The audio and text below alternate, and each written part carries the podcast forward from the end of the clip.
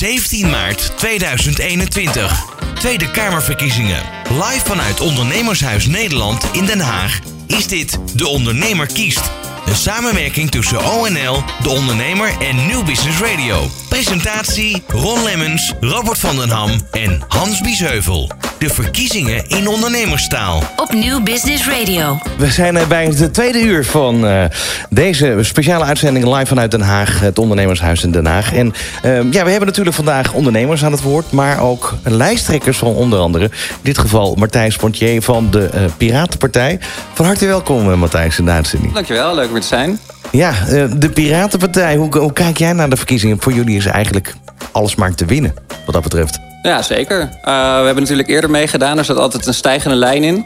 En uh, je had uh, scholierenverkiezingen in 2014. Toen stemde 17% op de Piratenpartij. Nou, dat zijn nu allemaal mensen die zijn net volwassen en mogen voor het eerst stemmen. Dus als die weer op ons gaan stemmen, dan halen we het echt makkelijk een paar zetels.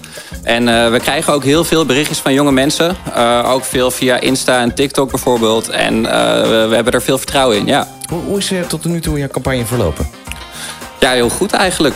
Uh, we hebben een hoop uh, leuke projecten gedaan. We hebben de afgelopen dagen nog een paar leuke ludieke acties gedaan. Uh, waarbij we bijvoorbeeld stickers en posters hebben geplakt in de stijl van de Rijksoverheid. Om te waarschuwen voor waar de overheid eigenlijk faalt met ICT. En waar je misschien een waarschuwing zou moeten krijgen voor je privacy. Omdat je niet weet waar je gegevens belanden bij de overheid. Dus, uh, en daar, daar komt ook wel veel uh, reacties op, veel positieve reacties, dus dat is heel leuk. Precies, we gaan het zo meteen natuurlijk hebben over corona. De situatie uh, waarop jij, als je het land zou besturen, zou, zou ageren met de partij. maar toch eventjes over een, een aantal maanden geleden. Jouw Twitter-account is geblokkeerd als het gaat over privacy. Ja, klopt. Dat is een paar dagen geleden gebeurd. En dat is eigenlijk precies waar we dus tegen strijden. Want nu is er een algoritme dat heeft gezegd... er is verdachte activiteit op deze account... Uh, het legt zichzelf helemaal niet uit. Ik heb uh, gevraagd aan Twitter van uh, waarom is dit gebeurd. Ik ben nog langs gegaan bij het kantoor. Maar ja, dat was alleen een brievenbus natuurlijk. Dus ik heb een briefje door de bus gedaan. Ja. ja. ja. Hoe digitaal wil je het hebben? Ja, nee, nou precies. Maar ik wacht nog steeds op een reactie hoe dit nou had kunnen gebeuren. Uh, maar als Piratenpartij uh, willen we dus uh, wetgeving... daar zetten we ons ook met de Europese Piratenpartij voor in... met ja. onze zetels in het Europees Parlement... dat er een Digital Services Act komt... waarbij content niet zomaar verwijderd wordt... en accounts dus ook niet zomaar worden geblokkeerd. Ja, je zou bijna zeggen, het is een, uh, als je, daar had je een duur bureau voor kunnen inhuren... om deze PR-stunt voor jou te bedenken. ja, dat, ja. Het, ja, nou ja, in die zin, het komt niet slecht uit in nee, ieder geval, nee. nee. nee. begrijp ik. Want je hebt daardoor ook heel veel media gehaald. En we zijn de Piratenpartij de afgelopen weken ook veelvuldig tegengekomen. Jullie zijn bij ons ook in de podcast natuurlijk geweest. Ja. En toen hebben we het ook gehad over voorspellingen. Uh, en dan is die dag zover uh, woensdag de 17e maart. We hadden het net al even over hoe eindig je dag. En je, we gebruikten het woord feestje eigenlijk al. Ja, zeker. Ja. Vanavond wordt een feestje natuurlijk. Precies. Wat, wat is je inzet met de kennis van nu... Uh, qua aantal zetels wat je verwacht? En uit welke hoek gaan die vooral komen? Um, nou, ik denk uh, drie, vier zetels zit er zeker wel in. Uh, ik denk dat, dat is fors vooral... eigen, toch? Dat is wel fors, ja. ja. Maar als je kijkt hoeveel jonge mensen inderdaad op ons afkomen... en hoeveel jonge mensen ook al eerder hebben aangegeven... dat ze op ons willen stemmen... dan uh, heb ik daar heel veel vertrouwen in. Um, en ik denk dat die vooral komen van mensen... die dus vooral niet eerder gestemd hebben. Jonge, um, jonge mensen, um, daaronder zitten ook natuurlijk jonge startende ondernemers. Wat, ja, wat gaan jullie betekenen voor deze groep? Nou, uh, we zijn door de werkvereniging langs de meetlat voor modern werkenden gelet. Dus dat zijn uh, ZZP'ers en andere mensen uh, ja, zonder vast dienstverband eigenlijk. Of in ieder geval zonder één vast dienstverband. En daar komt de Piratenpartij als beste uit. Uh, we willen onder andere een basisinkomen. Uh, dan heb je ook uh, de financiële vrijheid om rustig je onderneming te starten... en ook risico te nemen in je onderneming. Omdat je niet al te veel zorg hoeft te maken over dat je anders niet rond zou kunnen komen. En de innovatie komt natuurlijk ook van die jonge ondernemers... die met een, een plan komen waar misschien een keertje risico in zit. Maar dat soort, dat soort ondernemingsplannen, die helpen de, de, de, de economie echt vooruit. Dat is echt de, de motor van de economie. Dat is ook je achtergrond. Hè? Je bent zeker eh, digitaal eh, sterk. Je bent wetenschapper. Ja. Eh, daar ligt jouw kennis. Vandaar ook dat die mogelijke minister van Digitale Zaken... ook bij jou op de agenda staat. Zeker, ja. ja. ja, Dat, dat, daar, daar pleiten we al een paar jaar voor. En dat is ontzettend belangrijk, omdat nu uh, ICT is eigenlijk bij alle andere ministeries een ondergeschoven kindje. Uh, daardoor gaat het ook vaak verkeerd. bijvoorbeeld met het toeslagenschandaal, dat waren discriminerende algoritmes. Ja. Uh, dat GGD-datalek, dat is natuurlijk een groot probleem... dat medische gegevens op straat kunnen komen te liggen. het CBS, dat ging ook weer verkeerd om met telecomdata recent. Dus het is heel belangrijk dat het op een goede manier gebeurt. En dat er een minister van Digitale Zaken is... die regie houdt uh, bij alle ICT van de overheid... Uh, zodat dat uh, voortaan goed gaat. En dat er dus ook een veel sterker bureau ICT-toetsing is... wat bindende adviezen kan geven over falende ICT-projecten. de ICT-aanbestedingen die zouden ook wel eens wat meer in de openheid mogen... zoals eigenlijk bij de corona-app het geval was. Die app was niet oké, maar het proces was best prima... want iedereen die kon op die plannen gaan inhakken... waardoor uiteindelijk de, de kennis uit de samenleving wordt ingezet... om tot betere plannen te komen en dus ook tot goede ICT-projecten te komen. Nou, de autoriteit persoonsgegevens moet natuurlijk veel sterker... want nu komen ze aan al die klachten niet toe. Uh, die moeten echt veel meer capaciteit hebben om alle klachten te kunnen behandelen... maar ook veel beter toezicht te houden op privacy schendingen... en op discriminerende algoritmes onder andere. Hans, uh, jij wilt een, uh, een, eigen minister van, uh, van Handel, met name voor het MKB. dan hoorden we gisteren de kleinere reisorganisaties roepen... wij willen een minister van Toerisme. We hebben hier Matthijs, die, dat wordt een compleet nieuwe organisatie straks hier... verderop op het Binnenhof. wordt een beetje druk. Het nou wordt volle bak, ja. Nou ja, daarom is mijn voorstel ook een minister van Ondernemerschap en Handel... Hè, ja. die een hoop van die onderwerpen kan meenemen. Ook inderdaad die digitalisering, want dat vind ik wel een heel belangrijk punt, eerlijk gezegd. Ja. Ook voor heel veel ondernemers. Hè? Want kijk, het is niet alleen de overheid die uh, slimmer moet digitaliseren en automatiseren. Maar het is voor heel veel ondernemers ook een kans om je businessmodel toekomstbestendig te maken. Hè? Uh, mijn generatie ondernemers heeft het probleem. Ja, ik ben niet opgegroeid met die computer en met internet. Hè? Dus je, daar schort het vaak aan de vaardigheden. Dus je ziet wel, hey, artificial intelligence is wel, is wel interessant, maar hoe pas ik het naartoe in mijn eigen businessmodel? Ja. Dat is voor heel veel ondernemers lastig. Nou, daar kunnen start-ups en jonge ondernemers denk ik goed bij gaan helpen. Dus dat zeg maar die, weet je, die oude bokken zoals ik in het MKB die al 30 jaar bezig zijn, ben ik nog wel 15 jaar succesvol willen doorondernemen. Die zouden heel goed die hulp kunnen gebruiken. Zeker als het gaat om die digitalisering van de start-ups en van de jonge mensen. Dus ik zou zeggen, als we die combinatie kunnen maken. En zo'n minister van Ondernemerschap en Handel dat zou kunnen bevorderen, dan zou ik uh, heel tevreden zijn. We hebben het over start-ups, over jonge ondernemers. Eh, we hebben het ook over een hele vreemde campagneperiode. Een understatement natuurlijk ook. Hoe heb jij, Matthijs, die afgelopen weken kunnen inzetten... om jouw stemmers te bereiken? En laten we even focussen op die start-ups, die jonge, jonge ondernemers. Hoe makkelijk of moeilijk ging dat? Uh, nou, dat ging volgens mij wel aardig. We, we waren natuurlijk sowieso altijd veel bezig met uh, digitaal mensen bereiken. Dus daar, daar zijn we al sterk in. Dus dat hebben we nu ook weer gedaan. Precies. Uh, nou, er was onder andere ook een uh, debat van de werkvereniging... waar we aan mee hebben gedaan. Nou, dat vonden we natuurlijk ook heel leuk om te doen. Ook omdat zij onze standpunten als, als beste beoordelen. dus ja, op die manier hebben we dat denk ik goed kunnen doen. De dag van vandaag, um, het einde weten we, maar het is een volle bak voor je vandaag. Gaan we naar morgenochtend, first thing in the morning, uh, uitkijken over die hofvijven? Ja, ik denk eigenlijk dat ik de hele dag eh, aan de telefoon zit... omdat ik word platgebeld over het uh, grote en enigszins onverwacht succes. En want die vier zetels, dat is uh, je target van vandaag. En dat, ja, dat... ja, zeker. Oké, we blijven jullie volgen als vanzelfsprekend. Dank voor je komst ook naar het ondernemershuis in Den Haag. En die minister van Digitale Zaken staat ook bij ONL op de agenda. Nou, heel mooi. Dankjewel. Dankjewel. 17 maart 2021. Tweede Kamerverkiezingen. Live vanuit Ondernemershuis Nederland in Den Haag is dit De Ondernemer kiest. Een samenwerking tussen ONL, De Ondernemer en New Business Radio.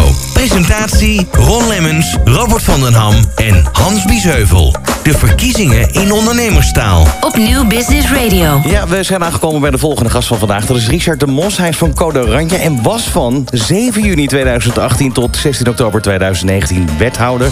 voor de gemeente Den Haag namens de lokale partij Groep de Mos, Hart voor Den Haag. En namens de Partij voor de Vrijheid was hij van 2009 tot 2012 lid van de Tweede Kamer. In 2020, september, maakte hij bekend bij het politieke beweging Code Oranje in te stappen als lijsttrekker van de Tweede Kamerverkiezingen van 2021. En dat brengt hem hier dus in de studio, Richard de Mos. Hartelijk welkom, Richard. Hallo, goedemorgen. Ja, ehm, de, de, de campagne van vandaag. Ik, uh, ik heb nog even getwijfeld van zal ik een oranje horlogebandje vandaag opdoen? Dat Niet omdat ik dan geweest. misschien ga stemmen op Code Oranje, maar uh, voor, de dag van vandaag. Het is een ontzettend belangrijke dag. Uh, in coronatijd een hele bijzondere verkiezingsdag. Hoe heb je hem tot nu toe beleefd? Ja, heel goed. We zijn vanmorgen onder uh, veel media-aandacht wezen stemmen. Live bij WNL. Goedemorgen Nederland. Dus we hebben ook nog even de boodschap van Code Oranje goed in de huiskamer weten te krijgen. Veel pers erbij. En dat is overgenomen door het ANP. Dus we blijven tot de laatste seconde vanavond campagne voeren. Want er is veel te kiezen voor ja, Nederland. Veel te kiezen. Zeker en, en ja, we zijn hier natuurlijk in het ondernemershuis. hoe sta je ten opzichte van de steun voor de ondernemers tot nu toe? Nou ja, dat kan een onsje meer. Sommige branches moeten ook veel te lang wachten. Ik noem alleen maar de kermisbranche. Die is beloofd 10,5 miljoen euro te krijgen aan coronamaatregelen steun. die is nog niet overgemaakt. Het is in augustus beloofd, dus bijna weer augustus. De horeca die het moeilijk heeft. Dus er is op bepaalde vlakken is er onvoldoende steun. Op heel veel vlakken is er wel steun en complimenten aan het kabinet. Maar goed, nooit zo van als oppositieman. Moet altijd beter geregeld mhm. worden dan dat het geregeld is. En er zijn te veel branches die tussen wal en schip vallen. Nou, ik heb er een paar genoemd. Horeca, kermers, evenementenbranche. En ook starters. We hebben heel erg veel starters die vergeten worden. Ja, die moeten dan omzetten gaan overdragen. Ja, die is er niet. Dus uh, dan krijg je ook geen, geen steun. En je zal al je spaarcentjes maar erin hebben gestopt. Ja, exact. En eigenlijk alle, alle wetgevingen, alle, alle regelen, uh, regelingen die nu getroffen zijn... zijn natuurlijk in no time uit de grond gestampt. Ja. Uh, maar toch, er, er ontstaat steeds meer kritiek. En we hoort eigenlijk nu al de hele ochtend hier in de, de studio ook... Um, de communicatie, daar schort het vooral aan communicatie, transparantie, vooral ook uh, de ideeën van ondernemers uh, overnemen. We hebben de, de horeca heb ik al even genoemd. Die, die zegt we kunnen veilig open. Sterker nog, je krijgt er een half miljoen handhavers bij als we open gaan. Want dan kunnen die anderhalve meter kunnen we garanderen. Dan kunnen die terrassen open. We kunnen in horecagelegenheden die ruim zijn, spatschermen. Die zijn hier ook toegepast. Dus dat kan in de horeca ook. Dus luister veel meer naar de kennis en kunde die er is. En ja, die kennis en kunde die zit bij ondernemers. En die moet je gewoon gebruiken. En dat doen we veel te weinig. Zeker ook als het gaat om de MKB. En dat is 70% van de Nederlandse economie, die draait erop. Die MKB'ers moeten veel meer gesteund worden. Dus wij stellen ook voor een MKB-bank, een MKB-herstelfonds. Want die MKB'ers moeten straks na die crisis weer uh, uh, zorgen...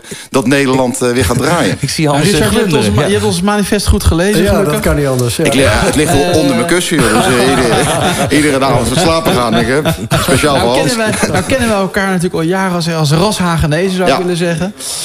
hoe belangrijk is die Haagse eh, de stemmer voor jou op dit moment?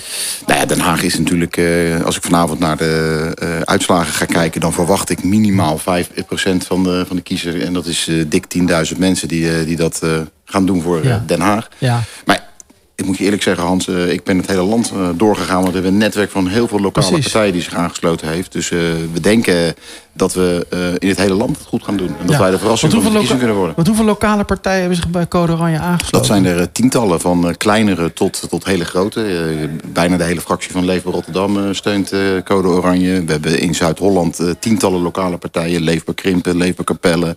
In, in Brabant tientallen, in Noord-Holland tientallen. Maar ook statenleden die overgestapt zijn naar ons. In Overijssel, in Groningen, in Noord-Holland.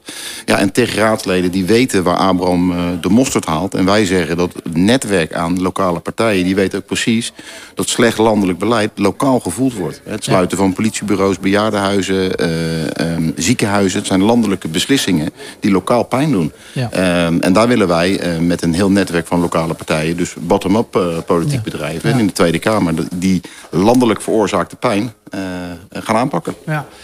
Uh, nou ken ik je ook als hele slagvaardige wethouder uh, hier in Den Haag. Ook voor het MKB. Ja. Uh, als nou morgen, hè, symbolisch, hè, maar overmorgen... je eerste optreden in de Tweede Kamer. De allereerste motie, het allereerste wetsvoorstel.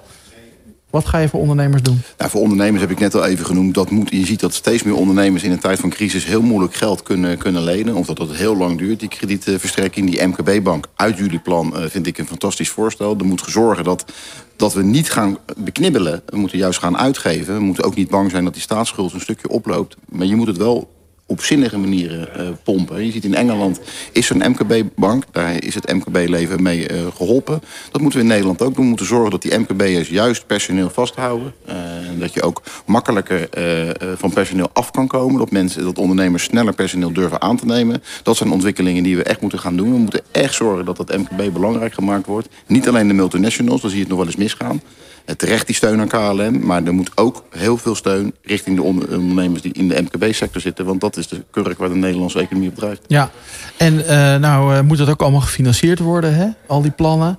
Ehm, kijk, wij maken manifest namens die ondernemers. Ik ben gelukkig geen politicus die uh, de, de, dekking ook hoeft te vinden. Uh, maar nou zien we natuurlijk heel veel partijen die zeggen... nou ja, hartstikke mooi allemaal... maar we gaan eens even flink de lasten verhogen.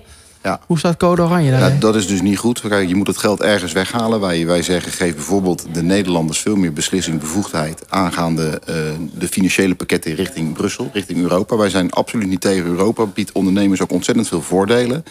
Maar als er 8,4 miljard euro jaarlijks uitgaat... en er komt 1,2 miljard eh, jaarlijks binnen... Ja, dan gaat er iets niet goed. Wij denken dat we daar uh, op kunnen beknibbelen... en dat we daar dat geld voor de MKB uh, ter beschikking kunnen stellen. En we zijn ook wel een partij die zegt... het Centraal, Bureau voor de, het Centraal Planbureau zegt... de immigratie kost jaarlijks 17 miljard euro. Daar moeten we kijken. Vluchtelingen altijd helpen, humaan, financieel voor aan, aan de lat staan. Dus je moet mensen daarin ook zeker niet wegzetten. Maar je moet wel kijken naar het beleid kunnen wij als Nederland uh, jaarlijks 82.000 mensen opvangen. En kost dat niet te veel geld. En moeten we kijken welke migratie is nodig. Hè. Migranten die kennis komen brengen, die arbeid komen brengen, die zijn nodig. Dus grenzen dicht vind ik veel te kort door, door de bocht. Maar je moet wel kijken, halen wel de kansrijke mensen binnen. En niet alleen de kansarme mensen. En nu is dat zo dat 40 tot 70 procent in de bijstand komt. De verzorgingsstaat onder druk komt. En dat we minder geld te besteden hebben om te investeren in onze economie. Dus wij hebben zeker ideeën waar je geld eh, ophaalt. We hebben een ministerie van Efficiëntie voorgesteld centraal inkopen. Gemeentes kopen allemaal los in. Ja, dat kost miljarden. Ziekenhuizen kopen los van elkaar in, kost miljarden. Dat kan veel meer centraal als een onderneming geregeld worden. En daar denken wij geld eh, te kunnen besparen om eh, te investeren op, in andere dingen. Zou dat wat, wat jullie betreft een systeem kunnen komen? Wat je ook ziet bijvoorbeeld in landen als Canada... waarbij een, eh, een migrant eerst tien jaar gewoon moet bewijzen... dat hij economisch zelfstandig verder kan... Ja, dat vind ik. En dan moet je dus duidelijke knip maken. Maar dat heb ik gelukkig aan de voorkant gedaan tussen een vluchteling en een economische arbeidsmigrant. Daar zit, daar zit een knip. En vluchteling moet je altijd helpen, van huis en haard verdreven. Wij, wij zeggen, probeer zoveel mogelijk in de eigen regio. En dan niet in armtierige tentenkampen, maar echt humaan. In, in, in, in, in goede opvang. Uh, en dat ze weer terug kunnen. Nu moeten ze in een bootje de zee over. En uh, komen ze in een land waar ze zich moeten aanpassen. Waar, de, waar ze de taal niet spreken. Waar ze geen startkwalificatie hebben. Dat moet echt anders. En daar kan je ook heel veel geld in besparen. Richard, je bent natuurlijk het gezicht van uh, Code Oranje. En ook dat is weer een understatement overigens. Iedereen kent jou vanuit het verleden. Je hebt je rol in de Tweede Kamer al gehad. Als we eens kijken naar de rest van jouw lijst. En we kijken ook naar bedrijvigheid onder die mensen. Letterlijk de ondernemers ja. daar.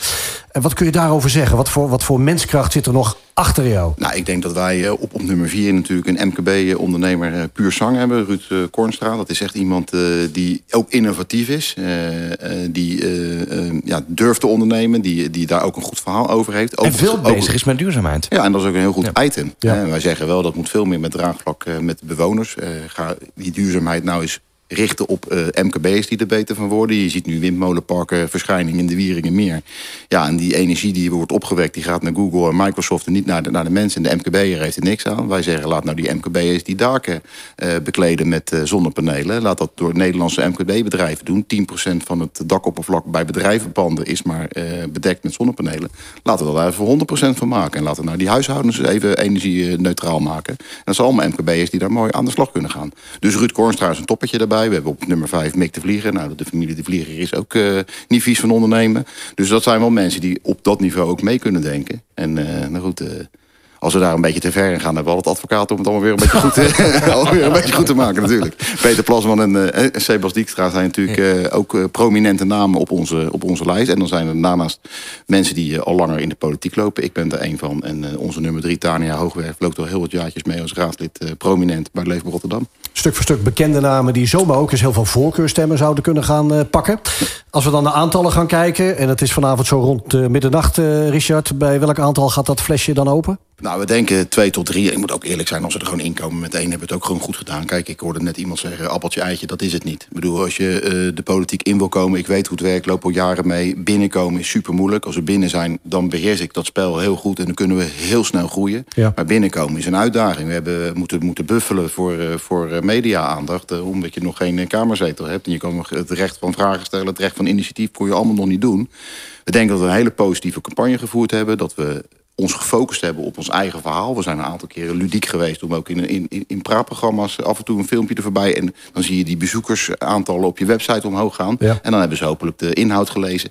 Dus we hebben creatief zijn we geweest. We hebben een goede lijst. Ik, denk dat, ik durf te, te zeggen dat we een van de beste lijsten van Nederland hebben. Met ervaren mensen die ook weten waar Abraham de mosterd haalt binnenkomen zal super knap zijn. Wij denken dat onze achterban met al die lokale partijen wat lastig te peilen is. Eh, maar als die lokale partijen doen wat ze moeten doen... de eigen achterban mobiliseren... dan uh, gaan wij twee tot drie zetels halen, worden we de verrassing. Ja, en als we pech hebben, hebben we niks, hebben we ieder geval gelachen. Richard de Mos van Code Oranje, dank voor je komst naar het Ondernemershuis... voor jou een thuiswedstrijd. Succes vandaag. Dankjewel. Live vanuit Ondernemershuis Nederland in Den Haag... is dit De Ondernemer kiest. Op Nieuw Business Radio. Ja, live vanuit het Ondernemershuis in Den Haag. Uh, gaan we naar onze volgende studiogast al vandaag. Uh, Marco Rodi, hij is uh, oprichter van Tribe... Yoga Amsterdam en initiatiefnemer van de vereniging Yoga Scholen van Nederland. Marco, van harte welkom in de uitzending. Hey, goedemorgen, dankjewel. Goedemorgen. fijn om hier uh, te kunnen zijn. He, heb je al gestemd vandaag? Ik heb al gestemd, zeker, ja. En was die stem, is die anders dan dat die eigenlijk zou zijn... normaal gesproken in het normale landschap... waar corona eigenlijk helemaal geen rol speelt? Uh, nee, uiteindelijk toch niet. Ik denk dat de meeste partijen toch redelijk op één lijn staan... ten aanzien van het coronabeleid. Dus mijn stem, en bovendien probeer ik ook wat langere termijn te denken. Dus mijn stem is daardoor niet, niet beïnvloed. In hoeverre, Marco, heb jij de indruk dat Politiek Den Haag de afgelopen weken goed naar jullie, jouw branche, de yogabranche, heeft geluisterd? Nou, daar, daar, zijn we, daar zijn we niet zo heel erg tevreden over. En yoga als branche valt eigenlijk onder sport en wordt gezien als binnensport. En ja, we hebben niet het gevoel dat daar erg veel gehoor aan gegeven is. En het bijzondere is dat, dat er wel heel erg uitgesproken wordt, onder andere door minister Hoekstra, maar ook door Mark Rutte, dat sport eigenlijk een deel van de oplossing is, de crisis uit. En hoe belangrijk sport is. de, voor, voor heel sportend Nederland, voor de gezondheid. En dus juist eigenlijk een oplossing is en geen onderdeel van het probleem. En dat wordt steeds onderstreept, maar in de uitvoering zien we daar uh, niks van terug. En, en wat is dat dan, Marco? Is dat dan gebrek aan kennis? Ligt die prioriteit sowieso anders? En zo ja, begrijp je dat dan? Ik denk dat, dat de prioriteit, kijk, er wordt, er wordt vaak gesproken over dingen die ook nu richting de verkiezingen, maar ook daarvoor eigenlijk al van het, het, het, een groot publiek aanspreken. En dan denk ik van, in het begin was het heel erg de kappers en de pedicure en de, uh, er nog meer gehad. Uh, ja, de terrassen straks allemaal in het voorjaar, dus dat, dat, dat, dat, dat, dat ligt nu goed. En daar is ook heel veel behoefte aan, hè? laat het wel wezen.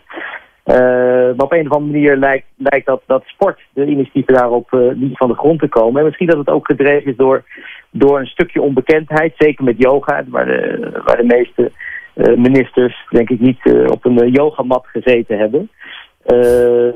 daar een soort van gevoel bestaan dat dat, dat dat niet veilig zou kunnen. Terwijl eerder bewezen hebben, net als veel andere branches natuurlijk, dat dat wel degelijk heel veilig kan. Ja. Uh, ja, Marco, ook welkom namens mij, uh, Hans Biesheuvel. Um, ja, ik heb uh, een tijdje geleden, een maand geleden ongeveer, de MKB noodlijn geopend. samen met het Instituut Midden- en Kleinbedrijf. En we bieden eigenlijk een luisterend oor aan ondernemers die het op dit moment gewoon mentaal heel lastig hebben. In hoeverre zou, zouden jullie met die yogascholen die ondernemers kunnen helpen, ook met die mentale druk op dit moment? Ja, ik denk dat yoga uh, zich bij uitstek leent voor het uh, verlagen van uh, druk, van stress, van werkstress. Of, een, of, of, andere vormen ervan die gerelateerd zijn ook aan de coronacrisis. Of door de, de stress die je ervaart als, als ondernemer op dit moment met je bedrijf. Omdat het zowel een fysieke bezigheid is, maar het is ook heel erg gericht op, op, op juist het ontspannen in je hoofd. En, en, dus juist wat meer weerstand opbouwen om, om in deze periode, om die gezond door te komen. En is het dan duur? Hè? Want uh, veel ondernemers die ons bellen zitten ook vaak ja, financieel aan de grond. En ze willen toch doorknokken. Hè? We bieden dan het luisterende oor. Uh, stel ik wil naar, jou, naar jouw yoga studio toe. Is dat dan duur? Loop je tegen hoge abonnementen aan? Hoe werkt dat dan? Nou, eigenlijk zijn alle mogelijkheden zijn er. Net als sportscholen kennen we abonnementen. Maar ook uh, losse kaarten en, uh, en, en, en, en strippenkaarten. En uh, ja, je ziet dat dat yoga wordt vaak in wat kleinere groepen gedaan. Hè. In veel scholen praat je over uh, 6 tot 12 deelnemers. En natuurlijk in de grote ook wel wat grotere groepen nog. En, en daarvoor heb je dan een instructeur die 75 minuten uh, bezig is met zo'n groep. Ik denk dat die prijzen uh, dan, dan heel toegankelijk zijn. Waarbij ook nog eens vanuit de yogabranche vaak wordt meegedacht. Als mensen bijvoorbeeld een wat kleinere beurs hebben, dan is het de yogabranche die daarvoor korting aanbiedt. Wat, wat, krijg je, Marco, terug van de collega-ondernemers? Daar zullen veel zelfstandigen eh, tussen zitten... die ongetwijfeld ook weer uh, met uh, de partentoets te maken hebben of hebben gehad. Wat zijn de signalen die jij terughoort van, van de collega's uit de yoga-branche daarover? Nou, die hebben het erg moeilijk op dit moment. de, de aangesloten yogescholen die, die mailen ons dagelijks uh, dat ze zowel in de, in de financiële ondersteuning van het gemoedkoming vaste lasten vaak net buiten de boot vallen of veel minder ontvangen dan, dan eigenlijk de vaste lasten zijn. dat is een te technisch verhaal om daar niet dieper op in te gaan. Dus daar zitten ze mee. Er zijn een aantal scholen ook al noodgedwongen gestopt. Er staan een aantal scholen te koop. Of de inboedel wordt verkocht. En uh, ja, kijk, wat, wat er aan de hand is, dat wil ik nog even, toch even kort schetsen. Bij de eerste lockdown is, uh, is binnensport uh, helemaal uitgesteld tot, tot september zou het pas opengaan, 2020. En dat stonden we helemaal achter in de rij van alle op een routekaart. Uiteindelijk zijn we toen iets eerder opengegaan, net voor de zomervakantie. Voor ondernemers ook niet de handige tijd, maar goed, daar waren we natuurlijk toch wel blij mee. En tot onze verbazing uh, lijken wij weer onderaan de routekaarten te staan. En hebben we ook woensdag vanuit uh, is er een, brief gegaan naar de ministeries van Volksgezondheid namens alle binnensportorganisaties, tenminste 30 aangesloten binnensportorganisaties, onder de yogescholen, uh, om te zeggen, jongens, die, die binnensport, uh, die lijkt er onderaan te hangen. U, er lijkt niet naar gekeken te worden. De landen die aan binnensport doen, waarvan 1,6 miljoen ook aan yoga, alsjeblieft aandacht voor dit onderwerp. Is er dan wel support bijvoorbeeld vanuit de verhuurdershoek? Want ook dat is een probleem waar veel ondernemers op dit moment tegenaan lopen. Of je nou in de retail, in de horeca zit of in jouw yoga-branche. Wat, wat ervaar jij aan support of juist niet uit die hoek? Een heel wisselend beeld. Uh, uh, dus uh, er zijn inderdaad verhuurders, wat kleinere, die meedenken en kortingen aanbieden. Ja. Maar de meeste, wat wij horen, bieden gewoon alleen maar uitstel van betaling aan. En of wachten juridische uitspraken af. Hè. Zijn dus wat jurisprudentie geweest, bijvoorbeeld voor de horeca wel. Maar op dit gebied, op het gebied van binnensport of, of yoga nog niet. Er zijn heel veel verhuurders die dat liever afwachten. En tot die tijd gewoon de volle pomp blijven vragen. Dus dat, die huurachterstand is, is een groot probleem voor veel scholen. Morgen de dag na de verkiezingen, Marco. Uh, misschien ziet de wereld er dan een heel klein beetje anders uit. De lobby vanuit jullie branche naar uh, Den Haag zal door moeten blijven gaan. Um, zit er misschien een iets wat andere strategie in de komende periode om yoga en een hele terechte vraag van Hans natuurlijk ook net... als je kijkt naar de mentale gesteldheid van ondernemers op de kaart te zetten? Nou, ik denk dat de strategie met name niet is om, uh, dat, dat willen we ook proberen te vermijden van, uh, kijk ons eens, wij moeten open, of uh, wij willen vorderingen ergens in de rij van open te gaan. Wij geloven ook in het verantwoord coronabeleid. Ja. Om, om, om duidelijk te maken aan de bewindslieden en aan de nieuwe Kamerleden straks deel van de oplossing zijn. En dat, dat eigenlijk, we hopen dat het coronabeleid zich, zich niet alleen richt op het voorkomen van besmettingen, uh, in de zin van uh, de corona-lockdown maatregelen, maar ook echt op, uh, op, op de volksgezondheid. En op mensen gezonder laten worden door beweging, ontspanning en gezond voedsel. Dus we hopen ons strategie zijn om duidelijk te maken dat, dat yoga daar een belangrijk onderdeel gaat zijn. Dankjewel, Marco Rodi, initiatiefnemer van de Vereniging Yogascholen Nederland en oprichter van Thrive Yoga Amsterdam. De ondernemer kiest. Op Nieuw Business Radio. We gaan naar de telefoon, want daar hangt Ralf van Dam, ondernemer. En in dit geval bellen we over NKW doorgaan. Maar eventjes een achtergrondverhaal van Ralf van Dam. Hij wordt van jongs af aan gedreven door verandering en innovatie... en de opkomst van internet in de jaren 90 inspireerde hem om kansen te benutten.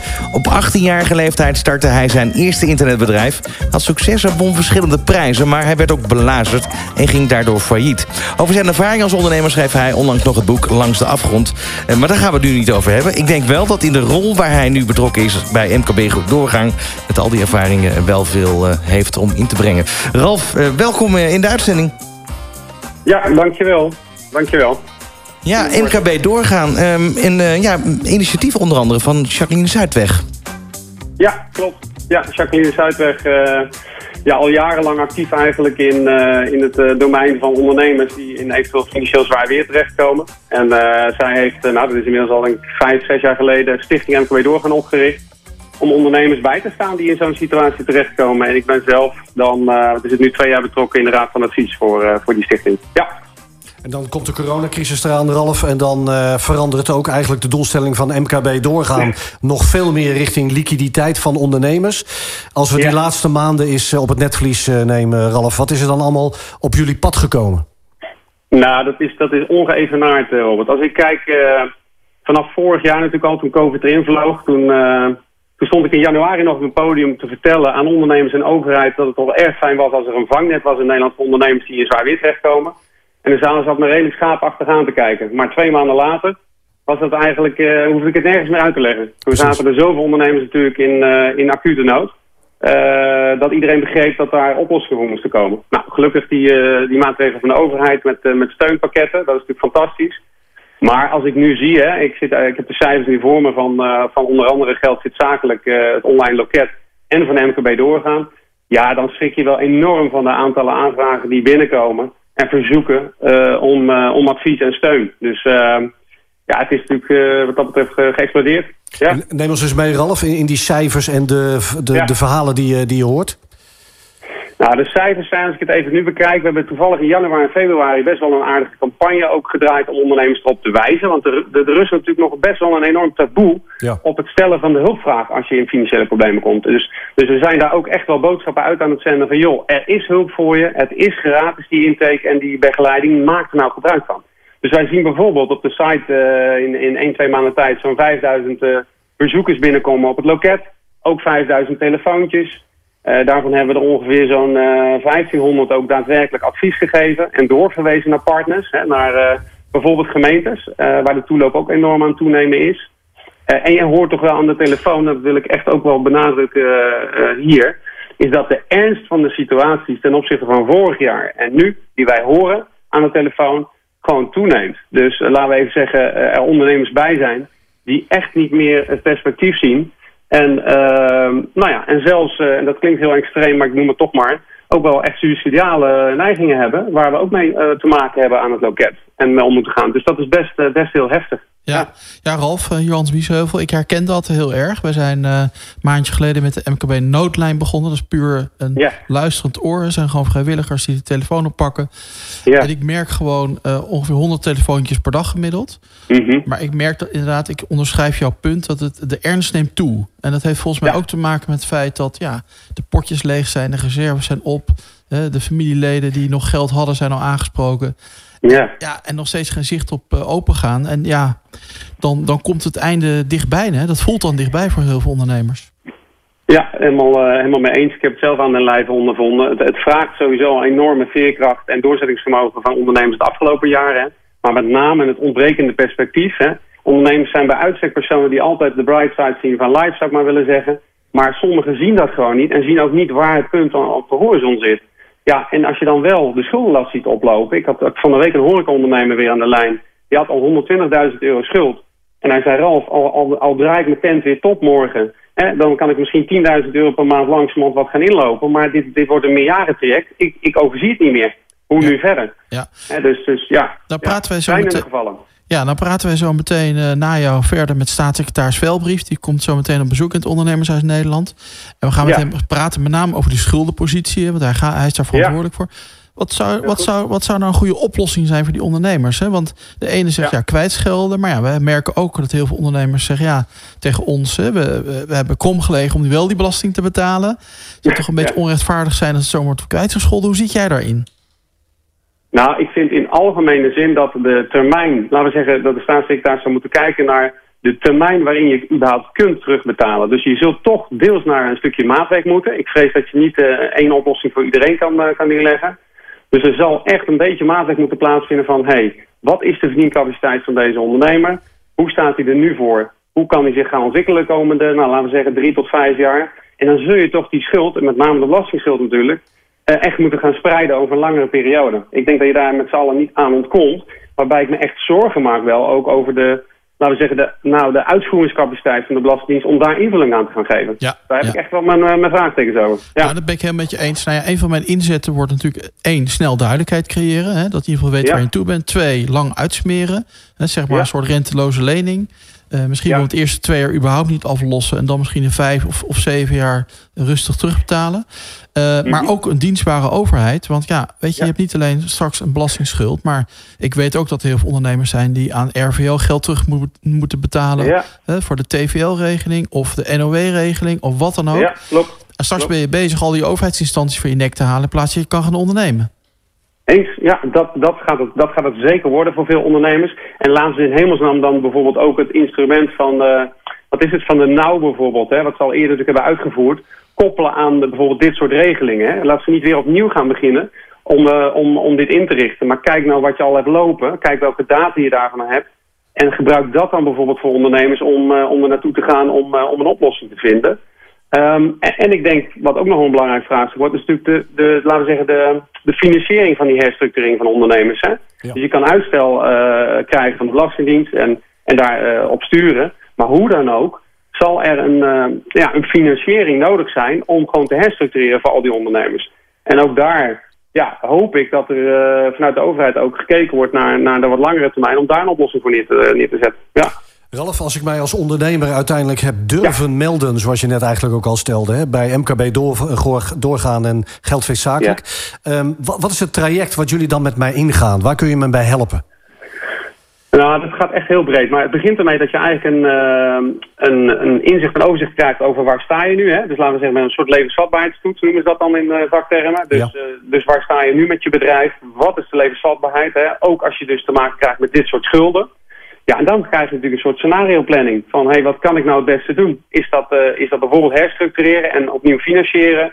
Is het misschien wel uh, serieus overwegen om het af te bouwen en te stoppen? En wat voor regelingen heb je daar dan van je gebruik van kan maken? Dus ze gaan met je kijken naar gewoon verschillende scenario's... om uiteindelijk uh, ja, je toekomst samen met je in te richten. En dat, dat, doen, dat doen heel veel partijen die daar, daarachter zitten met interventies. Hè? Dus dat kunnen gemeentes zijn, maar dat kunnen ook uh, organisaties zijn als Overrood of uh, nou ja, allerlei partijen die daarachter zitten, die kennis van zaken hebben op dat, op dat vlak. En ook praat gewoon echt ervaring hebben met meerdere ondernemers om dit, dit te regelen. Ja. ja, want er zijn natuurlijk mensen zoals jij ook en meer ondernemers betrokken. Dus ik ja. kan in contact komen met en op weg geholpen worden door. Zeker, ja. En, en met name die, wat ik merk bij ondernemers en wat ze fijn vinden is één luisterend oor en iemand die begrijpt wat het is om in die situatie te zitten. Ja. Uh, en daarmee te dealen. Dat is echt, uh, dat hoor je heel vaak terug. En het tweede is dan, ja oké, okay, en hoe nu verder? En dan willen ze niet van het hokje even het ene naar de andere kant gestuurd worden. Nee, dan willen ze het liefst een warme doorverwijzing naar een partij die het gewoon aan de hand mee kan nemen en kan helpen uh, weer inzicht en overzicht te krijgen en die scenario's uit te werken en dan er ook echt uitvoering aan te geven. Dus dat hele pragmatische en, en doorpakken, ja, dat is wat ook ondernemers eigen is. Dat zoeken ze ook bij deze dienstverlening natuurlijk. Ja. ja. Mag ik nog één vraag aan jou stellen? Want ik heb uh, niet zo lang geleden een columnje in de Telegraaf geschreven. Hoe vertel ik het ja. thuis, was de kop. En daar heb ik ongekend veel reacties op gehad van ondernemers. Die zeiden, ja, inderdaad, hè, dan moet ik thuis gaan uitleggen hè, over ja. die persoonlijke borg. Hè, of dat het allemaal minder wordt. Hoe doe je dat? Hoe ga je daarmee om? Want is er ook een oplossing voor? Ja, zeker. Nou, ik vind het fantastisch dat je het hebt aangehaald dan. Want dat is wel natuurlijk iets, hè. Een ondernemer heeft natuurlijk te maken met zoveel belangen om zich heen. En een van die belangen is ook zijn privéleven en zijn partner. Ja. Uh, en leg thuis dan maar eens uit dat je inderdaad privé bijgetekend hebt voor je recouvrantpositie. En wat dat voor impact gaat hebben als de, als de zaak omgaat. Wat ik heb gedaan als persoon, is dat ik uh, heel vroeg, zo snel mogelijk, open kaart heb gespeeld met mijn partner. Heb gezegd hoe het ervoor stond. En ook heb gezegd wat voor impact dat eventueel op ons privéleven zou kunnen hebben. Uh, ja, dat is spannend. Ja, dat zet je relatie onder druk, ook bij mij. Maar dan is uiteindelijk wel de keuze van ga je daar samen dan voor staan? Ga je samen daar uh, die uitdaging aan? En, en, en dan weet je in ieder geval zeker dat niet een partner ook achteraf zich, uh, ja, laten we zeggen, uh, belazerd voelt. Met alle impact die zo'n faillissement bijvoorbeeld mogelijk zou kunnen hebben. Ja. Ja, heftig. De dag van vandaag, uh, Ralf. Uh, met alles wat jij ook uh, de laatste weken en maanden eigenlijk al hebt meegemaakt... met ondernemers, met ja. MKB doorgaan en met geldfit zakelijk. Mm -hmm. De dag van vandaag, en dan doe ik natuurlijk op de verkiezingen en het stemmen. Heeft dat toch ja. iets aan jouw beeldvorming gedaan... van de partij of misschien wel de voorkeurstem die je hebt uitgebracht... Uh, richting een bepaalde politicus? Ja, wat, wat, ik, wat ik bij mezelf ontdekte is als dat ik toch als je toch mezelf toe moest dwingen om niet alleen maar naar de dag van morgen te kijken. Dus niet alleen maar naar de problematiek waar wij het nu ook over hebben. Hè? Ja, ja. Hoe kom ik de komende, de komende verkiezingstijd door, zou je bijna kunnen zeggen, hè? de komende vier jaar. En daar de programma's en maatregelen tegenaan leggen. Maar ook verder kijken dan dat. Dus ook, ook, ook in het kader van verkiezingen en stemmen verder kijken dan die vier jaar. Waar wil Nederland heen op termijn? Ja. Wat is belangrijk? Wat zijn echt de duurzame keuzes? Precies. Ik moet je heel eerlijk bekennen dat dat al een struggle was. Uh, om niet alleen maar naar uh, corona te kijken, alleen maar naar het ondernemerschap en de impact en de lastenverzwaringen. Maar ook verder te kijken dan, uh, dan de komende vier jaar voor je gevoel. Ja, ja. En is het dan moeilijk stemmen geweest voor je? Moeilijk kiezen geweest voor je? Heb je dan in die partijen voldoende deze standpunten naar voren zien komen? Nee, ik vind zeker, uh, laten we zeggen, de, de maatregelen die er nu... het pakket van maatregelen waar partijen zich achter scharen... vind ik nog, nog en, en zich over uitspreken, vond ik nog, was nog echt wel zoeken. Ja. Van, welke partij gaat dit nou echt beetpakken en vertegenwoordigen? Hè, bijvoorbeeld even als je het hebt over die, bijvoorbeeld die collectieve schuldsanering en de financiering daarvan inzet van de WOA en dat soort zaken. En dat gaan ondersteunen met een, met een fonds bijvoorbeeld. Ja, dat vind je allemaal niet zo concreet, vind ik. Uh, maar ja, ik, ik vind wel dat...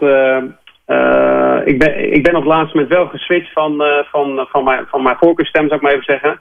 En dat had te maken toch met die langere termijn. Ja. Helder. Ralf van Dam van MKB Doorgaan en Geldfit Zakelijk onder meer. Dankjewel wederom voor je reactie. We blijven je volgen op deondernemer.nl natuurlijk ook met je blogs. En natuurlijk ook met het goede werk wat je voor deze organisaties doet. Dank je Ralf. Graag gedaan. Live vanuit Ondernemershuis Nederland in Den Haag is dit De Ondernemer kiest. Op Nieuw Business Radio.